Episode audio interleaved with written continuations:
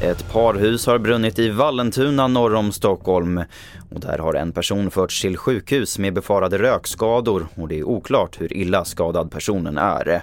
Larmet kom in vid 02-tiden under natten mot lördag och en brottsutredning om allmänfarlig vårdslöshet har inletts. Med bland annat en stegrande psykisk ohälsa bland unga ökar också skolsköterskornas arbetsbelastning. Nu larmar de även om stora elevgrupper, mer stress och tidsbrist. Torgny Örn är huvudskyddsombud i Helsingborg.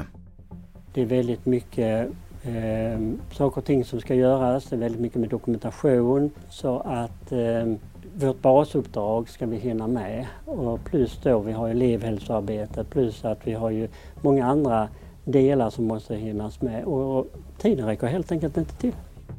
Till sist att USAs högsta tillsynsmyndighet för telekommunikation beslutar att hindra Kina-baserade Huawei och ZTE från att sälja sina produkter i USA, där rapporterar Reuters.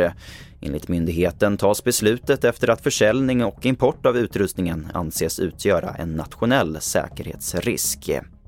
Och det får sätta punkt för TV4-nyheterna. Jag heter Albert Hjalmers.